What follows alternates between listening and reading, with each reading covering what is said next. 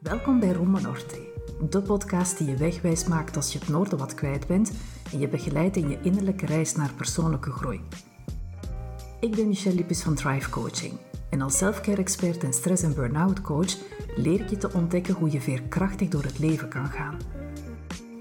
Ik nodig je uit op een avontuur waar zelfzorg, zelfliefde en zelfleiderschap jouw ankerpunten zijn. Dus, als jij nood hebt aan dat duwtje in de rug dat je voedt met moed, tonnen positiviteit en zelfvertrouwen, dan ben je hier op het juiste adres. Sta open voor nieuwe inzichten, zelfreflectie en aha-momentjes terwijl je luistert naar Rombo Norte.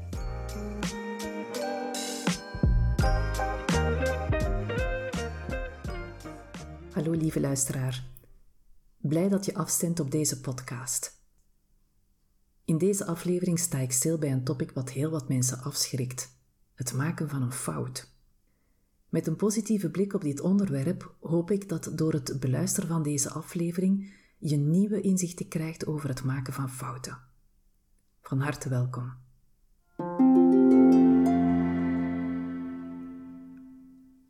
Als het gaat over het maken van een fout of zich eens te vergissen, dan komen er bij mij makkelijk een aantal momenten in gedachten op. Sommige van deze fouten of blunders wogen zo zwaar voor mij dat ik bang werd om fouten te maken. Want wat als ik weer eens ging blunderen? Herkenbaar? Waarom zijn we zo hard voor onszelf en soms ook voor anderen als het gaat over het maken van een fout? Wat maakt dat we perfect willen zijn en fouten als iets schaamtevol beschouwen? Voor heel wat mensen is dat een topic dat in stilte leeft, want wie geeft er nu graag toe dat hij zich eens vergist heeft of een fout heeft gemaakt, van welke aard dan ook? Misschien omdat we zo gefocust zijn op perfectie en uitmuntendheid, dat alles wat niet aan deze maatstaf voldoet, ervaren wordt als falen of niet goed genoeg zijn. Het zit zo diep in ons, die angst van falen en fouten te maken, dat we er als dood voor zijn. En in mijn geval was het een van de onderliggende factoren die leidden tot een burn-out. Hoe zou het zijn als we konden inzien dat fouten maken ook kansen biedt en dat het ons net verbrengen kan? Onze perceptie over goed en slecht varieert heel sterk. Wat ik als een mega grote fout kan beschouwen, kan voor iemand anders niet eens een probleem zijn. Dit gezegd zijnde, deze aflevering gaat niet over welke daden goed of fout zijn, want daar heb ik helemaal de deskundigheid niet voor. Maar wel over hoe we kunnen leren omgaan met de foutjes die we al eens maken. Om te beginnen wil ik stilstaan bij de definitie van een fout. Volgens het woordenboek van Dalen omschrijft het fout als volgt: een verkeerde daad, tussen haakjes een fout begaan, verkeerde eigenschap, onjuistheid in een werk. Bij vergissing staat slechts fout en het mis hebben. We kunnen stellen dat het maken van een fout meestal het gevolg is van een verkeerde inschatting van een situatie, het verkeerd begrijpen van bepaalde materie, een moment van onoplettendheid of een ongepaste actie. In heel wat gevallen maken we ze niet vanuit kwaad opzet, maar eerder per ongeluk of tegen beter weten in. Een voorbeeld. Je krijgt een nieuwe opdracht, maar je bent absoluut nog niet bekend met de procedures of de verschillende stappen om deze taak of opdracht uit te voeren. Je hebt uiteraard de intentie dit goed te doen, en later blijkt het dat je eigenlijk een enorme fout hebt begaan. Maar je maakte die fout niet met opzet. Dit is maar een voorbeeld uit de werksfeer, maar fouten komen uiteraard ook voor in ons privéleven. En hoe meer fouten we maken, hoe meer het gevoel van falen in ons opkomt. En dat bezorgt ons dan weer het gevoel dat we niet kunnen voldoen aan bepaalde verwachtingen. En dat draagt natuurlijk niet bij tot jezelf succesvol te voelen. Ik weet niet hoe jij het als kind hebt ervaren, maar als ik naar huis kwam met slechte schoolresultaten, dan wist ik dat er een niet zo al te fijn gesprek op me wachtte met mijn ouders, gevolgd door een reeks dreigende woorden en bijkomende straffen. Mijn ouders handelden ook naar best vermogen en hadden ook de beste intentie. Velen onder ons, mezelf inbegrepen, hebben een of andere conditionering rond dit thema.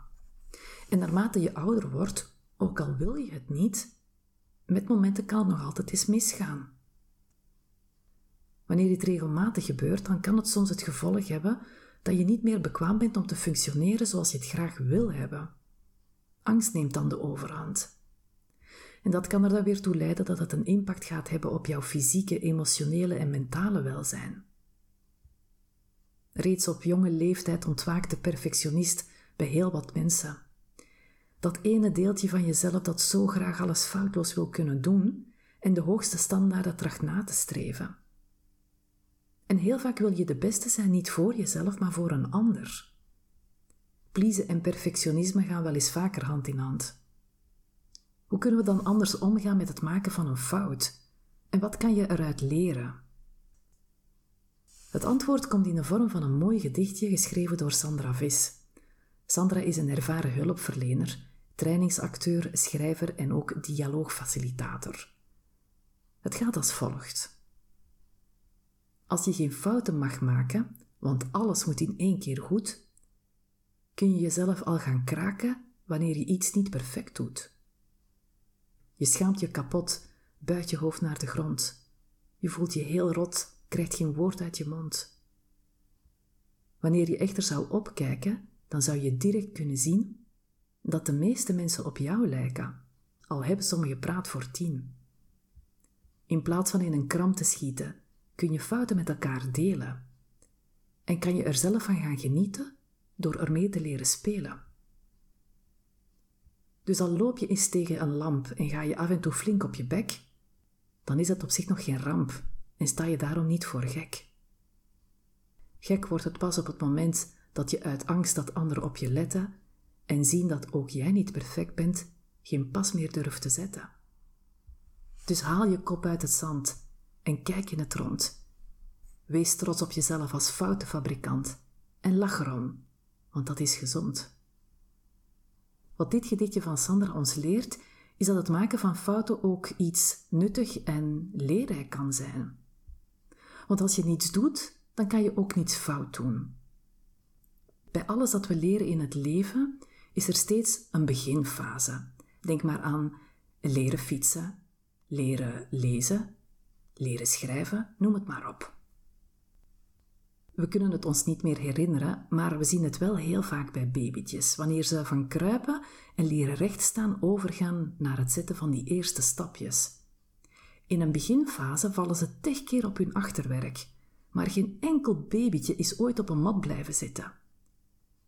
Als baby blijf je proberen en proberen aan de hand van alle mogelijke nieuwe technieken en strategieën, tot je die eerste stapjes kan zetten zonder hulp en zonder vallen. Soms kan falen maar net zijn wat je nodig hebt om te ontdekken hoe het wel kan. Zo zag ik op een documentaire op Netflix hoe Elon Musk leerde vanuit elke gefaalde lancering van een raket. Als hij bij de eerste lancering de moed had opgegeven, was hij nooit tot het punt gekomen waar hij vandaag staat. Nu werkt hij samen met NASA, maar enkele jaren geleden brak Neil Armstrong, de man die de eerste stap op de maan zette, zijn visie over het lanceren van raketten tot op de grond af. En in de documentaire met waterige ogen vertelde hij hoe hij zich voelde. Maar hij gaf de moed niet op. Samen met zijn team bleef hij keer op keer inzetten, ook al kostte het dat zijn laatste dollar op zijn rekening, tot hij erin sloeg om een raket te lanceren en zelfs terug op een platform te laten landen. Nog nooit was er iemand die het voor hem deed, een raket succesvol de ruimte insturen en het onderstel veilig terug te laten landen. Als Elon Musk zich toestaat om te falen, dan mag jij en ik dat ook. Misschien mogen we die tweejarige versie van onszelf wat meer uitnodigen om aanwezig te zijn, vooral als het gaat om het leren van nieuwe dingen. Fouten kunnen vooral zwaar doorwegen in een werkomgeving. Je werkgever verwacht dat jij je taken vrijwel foutloos uitvoert. Wanneer je merkt dat je wel eens vaker fouten maakt, dan kan je je deze vraag stellen. Wat is er hier gebeurd? Misschien was je met je gedachten bij iets anders. Werd je afgeleid? Of was je wat suf en merkte je dat het jou heel veel moeite kostte om je te kunnen concentreren. En dat brengt ons naar de volgende stap. We gaan verder exploreren. Hoe komt het dat je misschien zo snel afgeleid bent? Waar zat je met je gedachten? En was je wel goed uitgeslapen? Zo niet, wat maakte ervoor dat je slecht geslapen hebt? Dit is waar coaching jou bij helpen kan. Als coach begeleid ik mijn klanten om te bekijken naar de omstandigheden waarin een bepaalde situatie zich voordeed, om dan stap na stap te gaan bekijken wat er vooraf ging, om een beter inzicht te krijgen wat er op de achtergrond speelt en hoe je ervoor zorgen kan dat het in de toekomst minder voorkomt of dat je sneller kan bijsturen daar waar nodig. Is dit iets waar je graag eens wil bij stilstaan? Je kan een afspraak boeken voor een virtuele koffie met mij te drinken. Dan kunnen we eens specifiek gaan kijken wat jouw vraag is. Zo'n virtuele koffie dat verloopt uiteraard digitaal en dat kan je heel makkelijk aanvragen via mijn website. De link vind je terug in de omschrijving van deze aflevering van Rombo Norte. Tot slot nog drie tips rond hoe je anders kan omgaan met het maken van fouten. Tip 1. Geef toe als je een fout hebt gemaakt en probeer het niet weg te verdoezelen.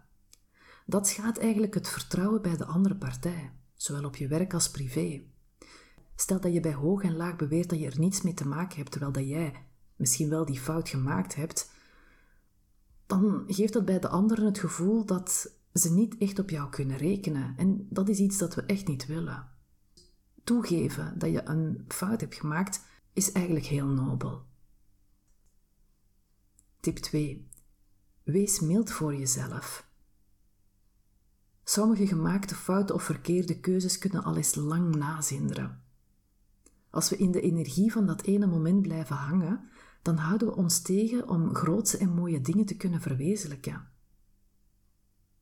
Misschien is dit het ideale moment om in stil te staan waar jij van nature in goed bent. Wie weet, misschien waren al deze misstappen en fouten nodig om je net in de juiste richting te zetten.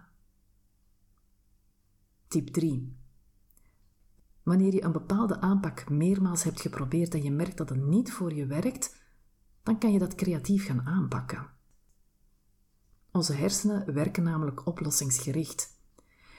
Je merkt dat die ene aanpak niet voor je werkt en in gedachten heb je al verschillende keren jezelf afgevraagd: hoe krijg ik het wel voor mekaar? Wat kan ik anders doen? Door jezelf helpende vragen te stellen, gaan jouw grijze hersencellen voor jou op zoek naar creatieve nieuwe oplossingen.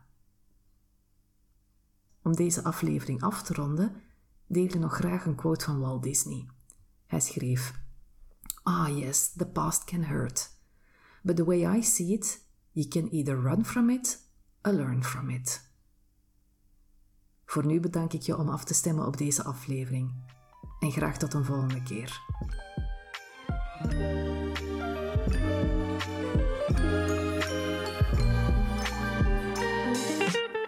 Super tof dat je luisterde naar deze aflevering van Rumbo Norte. Dank je wel.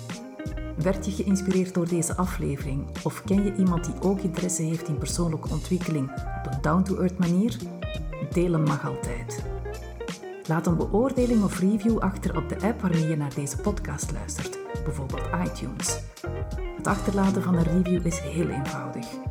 Scroll door naar beoordeling en recensie, geef een score en vertel waarom jij deze podcast leuk vindt.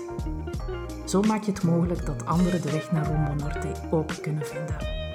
Oh ja, en als je graag wil weten wanneer er een nieuwe aflevering beschikbaar is, dan kan je je abonneren op deze podcast.